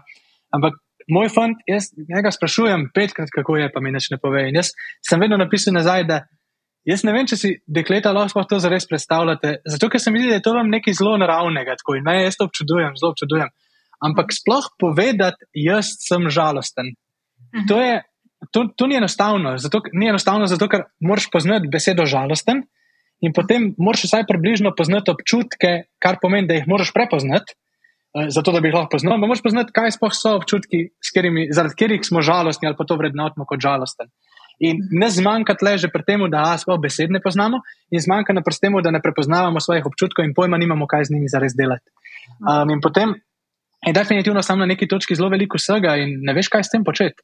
In danes na tej točki, kjer pač jaz lahko v 15 sekundah prežgem računalnik in kar naenkrat se streljam v Call of Duty in sem čisto uspešen in dober, če sem uspešen in dober in kar naenkrat svet okoli mene zamrzne in kar naenkrat več ni ničesar, kar bi mogel početi, ni ničesar, kar bi bilo dobro, da počnem, je, je, je zasvoljiv, um, je, je lahek.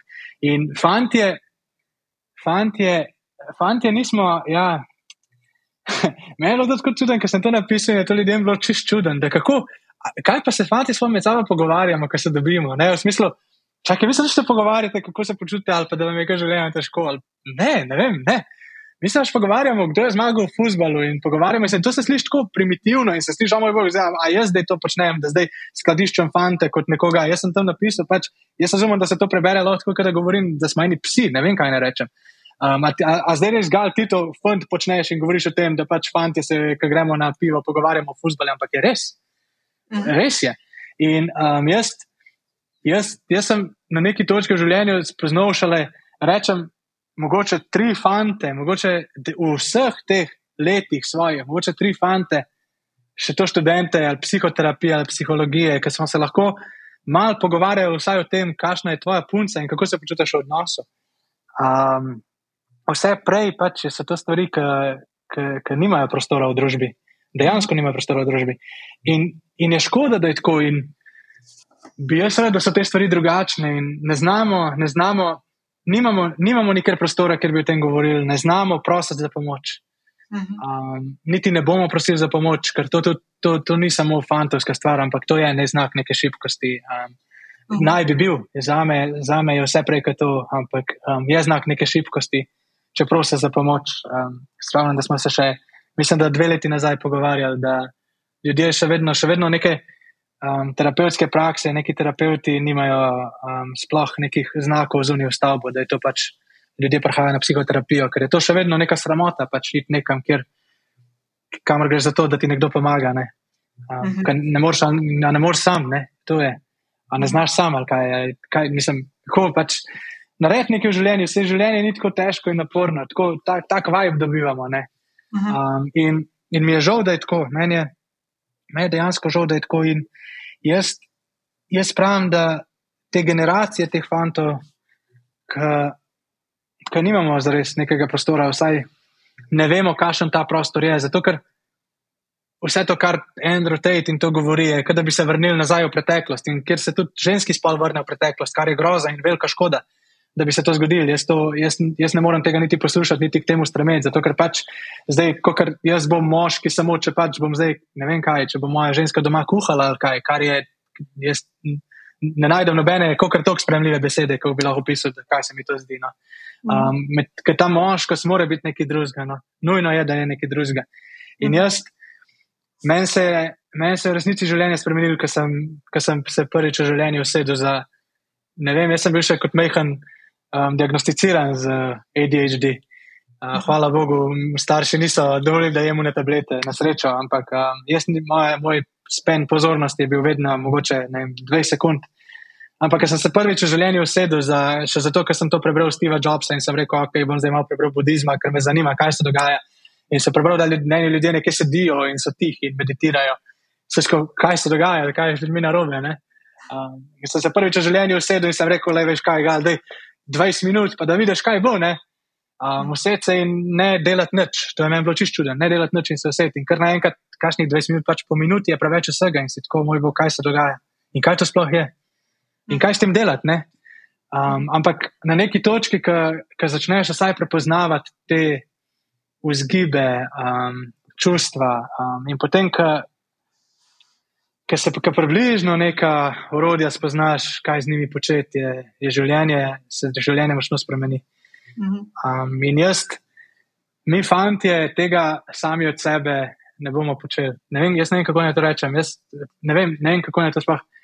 Zato sem jaz sem to napisal, redko besedno 94% so punce, mislim, da, mislim, da mogoče celo 96%.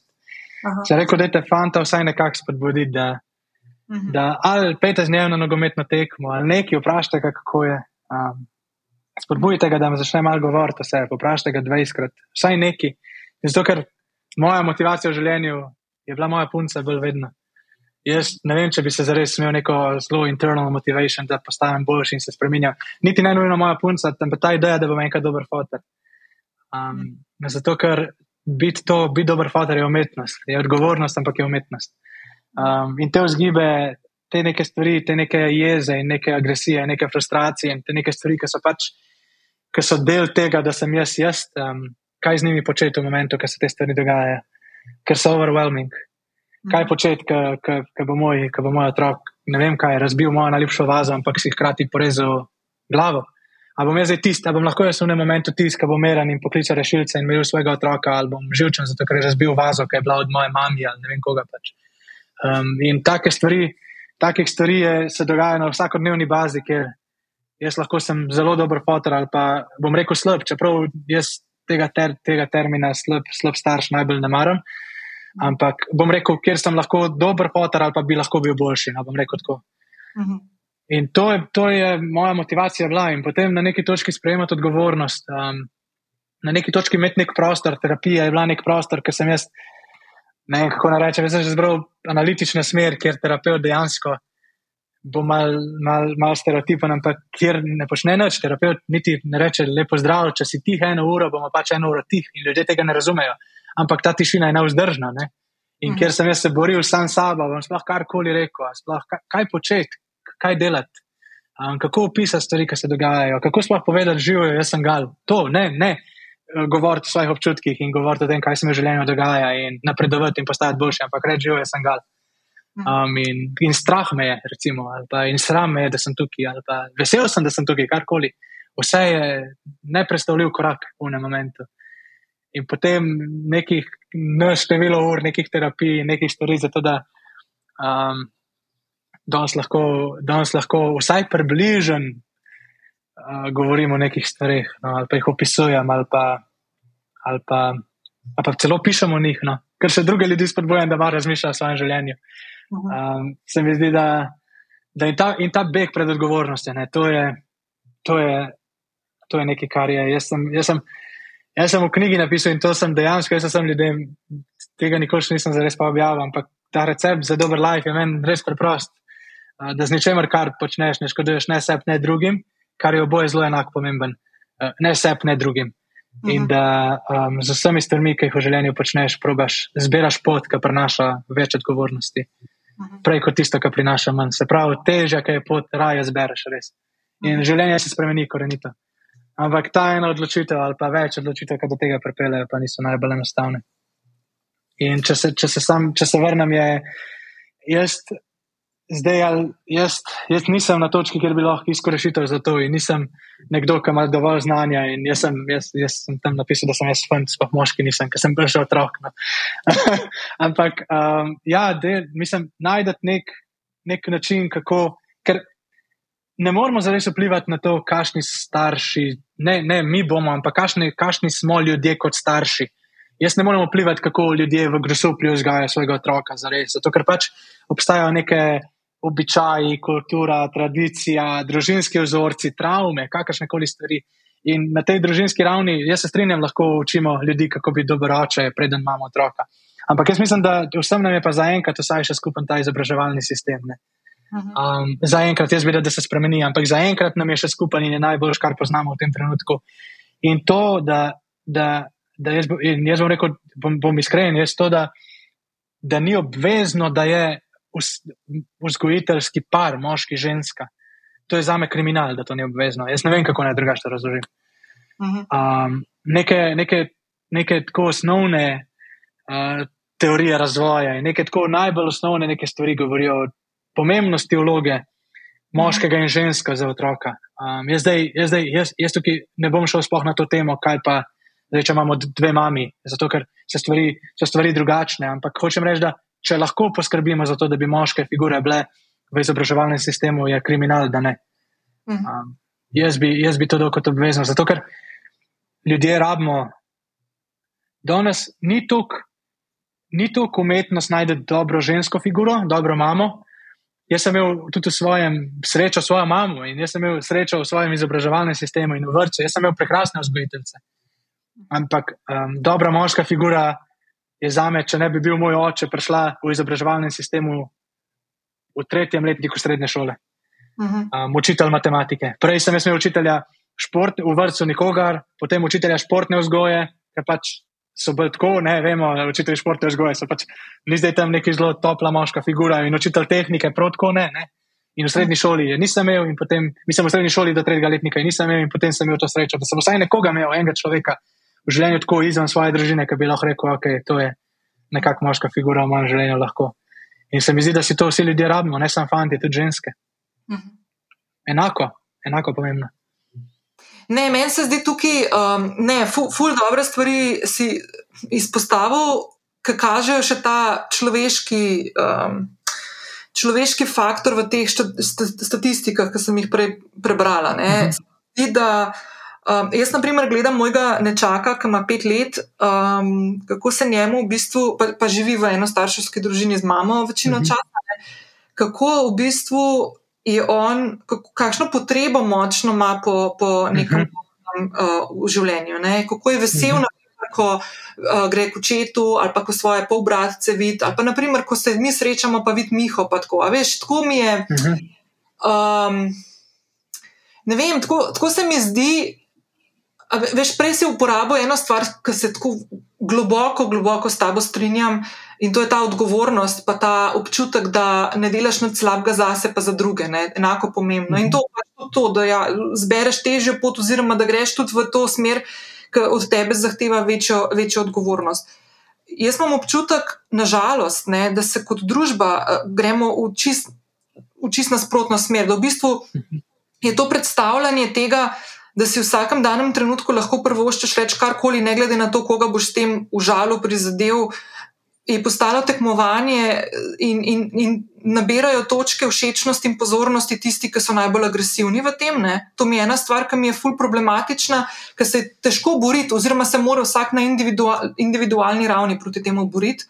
Mhm. Uh, po drugi strani je pa polno koncu to, koliko v bistvu se vlaga ene pozornosti, pa jaz ne bom nočem biti zelo kritična, kako se načne naredi, pa neč tako. Ampak se mi zdi, da eni od večjih izzivov v naši družbi so, koliko vlagamo v, v ta svet spodbujanja otro, otro, otrok, koliko se vlaga v naprimer, to, da imaš ti čim bolj raznolike predstavnike v njihovem življenju, kako jih budrijo in naprej pofurajo. Pol drugi del je pa pač, kako se, kako se uh, dos, do starejših um, v naši družbi um, uh mhm. -huh. obnašamo. Ne? In se uh -huh. mi zdi, da v zadnjem času je bilo kar nekaj takih primerov, tudi pri nas, ki so tako ful šokirali. Um, Obč, pač ljudi, ne, razumljivo, da so jih, ampak se mi zdi, da se ful, namesto da bi take trenutke vzeli za to, da se nekaj naučimo, pa ugotovimo, kaj je narobe v naši družbi, pikiramo na neke posameznike, ki so eskalirali v nekih, v nekih, uh, v nekih situacijah in jih nabijamo na križ. Uh, ne da upravičujem kogarkoli, ampak veš, se mi zdi, da je to tako dober moment, da, da se skupaj v roke vzamemo in da rečemo, ok, -huh. demo nekaj robe delamo, demo nekaj narediti in gremo v najbolj easy way out, da se nabije nekega ja. posameznika na križ. In se mi zdi to ful, ful grozen. Ja. Uh, Jaz se, jaz se ne morem strinjati, bolj, mene, mene je srce bolelo, ker sem, ker sem to gledal, kaj, kaj se je dogajalo, te stvari v Srbiji. Um, mene, mene je srce bolelo, ker sem potem poslušati strokovnjake na, na, na, na položajih, ki so govorili o tem, da dejansko, kako se lahko sploh temu čudimo, če ljudje danes pač uh, živimo v svetu videoiger, ki spodbujajo agresijo in kako so, kako so za vse te stvari kriva družbena omrežja in kako so tam v, v Srbiji krivi reality šovi, ki imajo res zelo, zelo na meji spremljivega reality šove. Ampak vse ostalo je krivo, samo mi nikoli ne. In me je to meni je to, jaz, to, jaz, jaz se pa spet vračam na to, kar sem malo pregovoril, ker, ker, ker je začaran krok, v resnici je začaran krok, ampak ko se ti v življenju, tudi na, oseb, na osebnem nivoju, ampak neka taka stvar zgodi, imaš vedno dve možnosti, imaš jih več, ampak dajmo reči, da imaš najmanj dve. Ena je, da so pač za to stvar krivi, čisto vsi okoli tebe in najbolj, da je kriv Instagram, kar počnejo danes celo starši, se pač tudi starš, kot starš nisem več odgovoren, narekovaj za svojega otroka, če pač je itak šest ur na dan na družbenih omrežjih. Ampak me je to tako bolesno, jaz ne znam tega sploh opisati. Pač, ampak kot starš lahko vplivam na to, koliko časa je moj otrok na družbenih omrežjih in kaj tam počne. Pač to je pa moja odgovornost. Mhm. Ampak lahko rečem, pač krivo je to, da so družbena omrežja, ali pa je krivo to, da pač je, je moj otrok dejansko toliko časa tam gor in tam gor išče stvari, ki jih, ki jih nima. Ljudje iščemo stvari na družbenih omrežjih, ki jih nimamo. Ljudje na družbenih omrežjih počnemo stvari zato, da bi nas ljudje videli, opazili in slišali in da bi nas vsaj kdo slišal, da bi nas vsaj kdo videl in gremo v tekmovanje v tem, kaj naredimo, zato da nas ljudje vidimo, kaj, kaj, da nas ljudje vidijo. In, in te, ta tekmovanja niso, vemo, kam vodijo ta tekmovanja. Pač vsaki, mislim, na Instagramu vodijo to, da pač danes imamo OnlyFans profile. Um, zato, ker pač na Instagramu to, da, da te ljudje vidijo, ni več dovolj, da se slikaš, ni več dovolj. Ni več niti dovolj, da se slikaš ali moški ali ženska na pol gol, zato ker se že več ljudi slika na pol golih. Včasih je bil Instagram tekmovanje, kdo naredi lepšo fotografijo um, hrane ali pa dreves ali pa česar koli. Danes to več ni, ker to tem pozornosti več ni. Ne? Ampak hočem reči, da meni je, tu, meni je bila tu v Srbiji in tukaj, v tem našem javnem diskurzu, jaz sem to doživljal samo kot eno res, res, res uh, izgubljeno priložnost. Zato, da se enkrat v življenju sedemo in rečemo, ok, kaj se dogaja. In da se enkrat v življenju sedemo in rečemo, ok, kaj pa če kaj pa če, kar tudi posod druge v življenju je dobro, začnemo razmišljati o tem, kaj pa če niso za vse krivi drugi. Uh mhm. -huh. Kaj če niso? kaj če, kaj če ni za vse kriva družba, kaj če ni za vse kriv Instagram, kaj če niso za vse kriva družbena mreža, kaj če niso za vse krive videoigre, kaj če tudi ni za vse kriv Andrew Tate, kaj če tudi ni za vse kriv naša politika, kaj če z nami neki ni v redu. Kaj pa to? Kaj pa, če, to... ja, kaj pa če ne bi bil del te igre, pa bi rekel, okay, ne bom še jaz svojega mnenja kako je neki fulgrozen in kaj si jim dovolil, in, in, in vse možne, najbolj obskurnejše kletvice, ki jih premoriš za tipkov v, v svojo objavo na komentar ali pa na družbeno mrežo. Kaj pa če bi se, kaj pa če bi enkrat rekel, ej, nočem biti del tega? Ja, ali pa, ali, pa, ali pa ne samo to, ali pa, ali pa ja, to, bi, to je že zelo velik napredek. Ne? To je že zelo, zelo velik napredek. Ampak, ali pa če, če bi rekel, nočem biti del tega, kaj pa če probujem malenkost bolj urediti spraviti svoje življenje. Ja.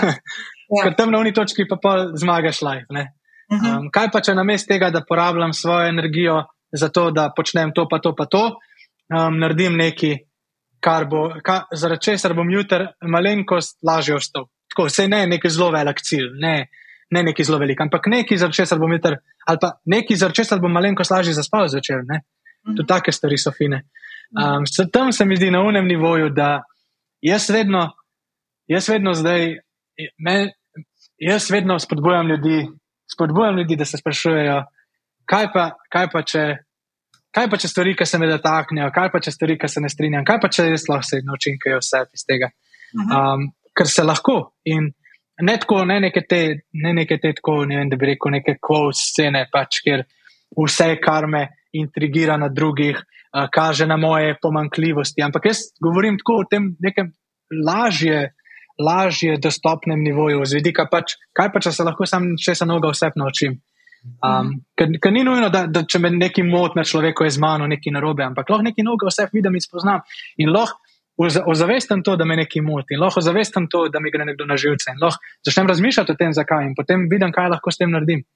Um, ampak to, tega, tega dela jaz Hoče se reči, da tega dela jaz ne razumem, ampak ta del je moj dom, bil včasih, v resnici prav moj dom. Tako, jaz sem bil doma v teh bojih, dokazovanju tem, da, da je moje, da imam jaz prav in da vsi ostali ljudje, ne samo da, da imajo narobe, ampak jaz pričakujem, da se bodo vsi ostali ljudje okoli mene spremenili, zato da bom jaz imel svoj prav. In meni to, to, je, to, to niti boj z mini na veterni, no, to je škoda življenja, v resnici je škoda življenja. In uh mhm. -huh. Kančka energije je škoda za to. Ker, ta, ker to drugo vprašanje je je boleče, veliko bolj boleče. Kaj pa, če, kaj pa če z mano neki ni ok? Kaj pa, kaj pa če sem jaz problem, tako v resnici problem? Mhm. Um, in če lahko nekaj naredim, zato da bom lažje s tem živel. Vse samo to je v bistvu, nič drugega. Mhm. In, in tako jaz lahko celo življenje pričakujem od tega, da bo okolica poskrbela za me in um, na mest mene. Sprejemala odgovornost in mi pomagala, in me bodrila, ali pa na neki točki rečemo, ok, pač dej se vzamem v roke. Ne? Naredi nekaj, eh, verjamem nekaj. Um, če, če, pač, če si nekaj obljubiš, če, če se ti nekaj v življenju pomembno, se odloči nekaj za to narediti in namen en del svojega časa temu. In um, probi, probi, probi ne skozi samo bežati iz tega sveta, no, ampak um, narediti, da bo ta svet nekaj, kjer boš rad noter. In kjer se boš ne dobro počutil, ker to je, to je pravljica, ampak kjer boš, kjer boš ne glede na to, kako se počutiš, vedeti, kaj s tem početi in kako se obnašati in kaj delati. In ker bojo v bistvu neke stvari še celo bolj pomembne od tega, kako se v točnem momentu počutim, ali se mi da ali ne, ali zmoram ali ne. A, um, ker, bo, ker če ti je neka stvar pomembna, boš verjel vanjo in boš sledil temu. Um, in ker se boš dejansko ukvarjal s tem, da postaješ ti boljši človek, ne da. Ne da ne da živiš v prepričanju, da bi morali za vse poskrbeti, ali tvoji starši, ali tvoja punca, ali fant, ali družba okoli tebe, ali šolski sistem, ali družbena omrežja, ali videoigre, ali karkoli pač. To je meni žal. Ta zamujena priložnost mene boli v resnici. Mhm. Ja, dobro, ne, mislim. Ne, super si to povedal zdaj, ful si dobro povedal. Um, Gal, kakšne so tvoje uh, prihodnje odločitve, koliko časa boš še na Baliju, kdaj prideš domov? ja, um, zdaj, zdaj, ne, zdaj sem ja, še dva meseca, vračam se konec novembra v bistvu. Okay. Um, zato, ker, ja, zato ker, ker, ker moram biti tudi malo fizično prisoten. Um, ampak, um, ja, konec novembra, um, pojma nimam, kaj bom v življenju počel. Meni je še, da da se stvari spremenjajo, da um, se učim novih stvari. Se mi zdi, da na neki točki, ko v življenju odpreš vrata nekim priložnostim, ker ne nehajo prihajati. Um, Sploh, če si še kaj pripravljen narediti za to, da se ne naučiš česa novega, da postaješ v nečem boljši. Da, um, se mi zdi, da ne nehajo prihajati in to meni je kar všeč to, tak, tako življenje. No. Uh, in ja, novembra. novembra. ja, noč, ej, um, ful ti hvala. Uh, ful ti hvala za ta res lep pogovor, za vse, kar si te uvide, ki si jih delil, uh, tako zelo iskrene. Um, si ne bi mogla predstavljati uh, tega pogovora. Tako sem si ga nekako zamislila, da boš, da boš res tako ful stvari povedal, pa si jih še več, kot sem si mislila, da jih boš. Nisem bil redko beseden. redko, tako totalno ne redko. En pogovor, uh, tako da, ja, ne, super, res. Tako da se ti ful zahvaljujem. Um, Ful ti želim še naslednja dva meseca, da boš čim bolj užival in bil s svojimi novo vzpostavljenimi rutinami povezan. Uh, pa da pa se dobiva, ker še en dan ne v petek, ker še en drug dan. Nina, najlepša hvala, res iz srca hvala za to vabilo, mi je prav čast in veselje in upam, da, upam, da bo kakršnakoli uporabno vrednost ta pogovor imel. No, si iskreno želim. Sploh ne dvomim, hvala tebi, Gal. Čau, čau. Živaj, čau. Hvala vsem, ki ste ostali do konca. Zdaj vam bom zaupala še eno zgodbico, ki sem jo obljubila na začetku.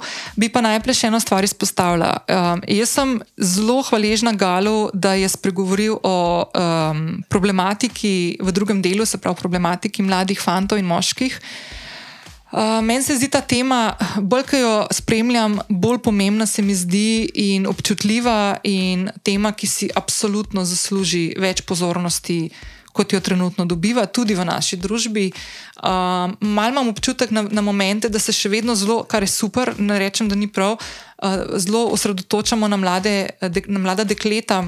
In kakšne zglede imajo v družbi, na kanalih, ki jih uporabljajo, zelo pa zanemarjamo, uh, da to vpliva tudi na fante, mlade fante, moške, mlade moške. In sem ful vesela, da je Gal o tem spregovoril, da je to izpostavil kot problem, tudi on, kot mlad moški. Um, tako da se mi zdi to ful fajn. Zdaj pa, kako sva mi dva z Galom se spoznala. Um, zgodba gre ful nazaj in v bistvu do.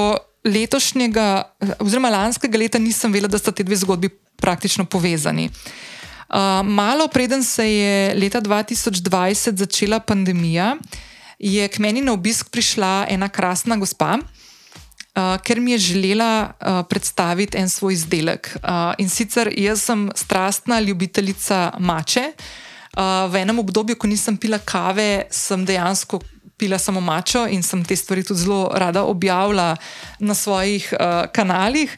Um, in oglasila se mi je gospa Sabina. In mi je povedala, da je bila nedolgo nazaj uh, na Japonskem, kjer je spoznala uh, um, ustvarjalce mače oziroma pridelovalce tega krasnega japonskega zelenega čaja, in da bi mi z veseljem predstavila svoj izdelek, ker je začela uvažati premium uh, mačo v Slovenijo. Takrat, to je bilo zdaj že res nekaj let nazaj, takrat dobre mače nisi dobil, še danes verjamem, da, da je zelo veliko um, tega krasnega izdelka, ki je. Um, v katerega so umešane še druge stvari, da ni sto odstotno mača, vem, razne uh, sladkorji, pa mleko v prahu, tako da treba vedno fuldo prebrati uh, tudi sestavine. Uh, Takrat je Sabina prišla k meni na obisk, so se fulje pozaklepetali, pa se je zgodila valjda pandemija, smo se zaprli v svoje domove in nikoli več nismo ponovili najnega lušnega klepeta. In gleda zlomka, nekje sredi pandemije se je odločil spet naročiti mačo in nekako tako začnem gledati in ugotovim no, po dolgem času, da je Gal Sabinin uh, sin. uh, in da je gal, gal, ki stoji za redko besednim uh, profilom, ki ga furada tudi jaz spremljam in se na en vsak petek tudi uh, velikrat odzovem s kakšnim komentarjem ali pa zasebnim sporočilom direktno galu. Tako da ful mi je fajn in gal je tudi zdaj zelo, uh, že nekaj časa, no sicer zelo povezan tudi s tem uh, preprosto mača kanalom. To je uh, kanal, na katerem lahko najdete in dobite to krasno mačo, če jo iščete na slovenskem trgu, ker je res ful dobra in praktično edina, ki bi jo jaz izpostavila kot res dobro. Tako da, uh, ja, uh, jaz upam, da ste uživali v tem pogovoru. Jaz se Galu res zahvaljujem. da si je vzel čas, da je najdel prostor, ki je imel dober WiFi. Jaz vem, da je to kar uh, izziv uh, na Baliju in da je našel prostor, kjer je bilo toliko tišine, da so lahko tole posnela. Uh, če gala še ne sledite, vam res, res svetujem, da skočite tja. Uh, večinoma ga spremljamo ženske, jaz mislim, da bi ga mogli tudi moški ve več kot ga, uh, ker ima res take dobre debate in odpira uh, tematike, ki so res pomembne, tako za fante, mlade fante, moške. Kot za vse ostale, ki se trudimo v življenju najti svoj glas, v besedi svoje misli, svoje čustva in najti nek tak prostor pod soncem, ki nam ustreza. Uživajte, lepo se majte in se slišimo k malu. Ciao!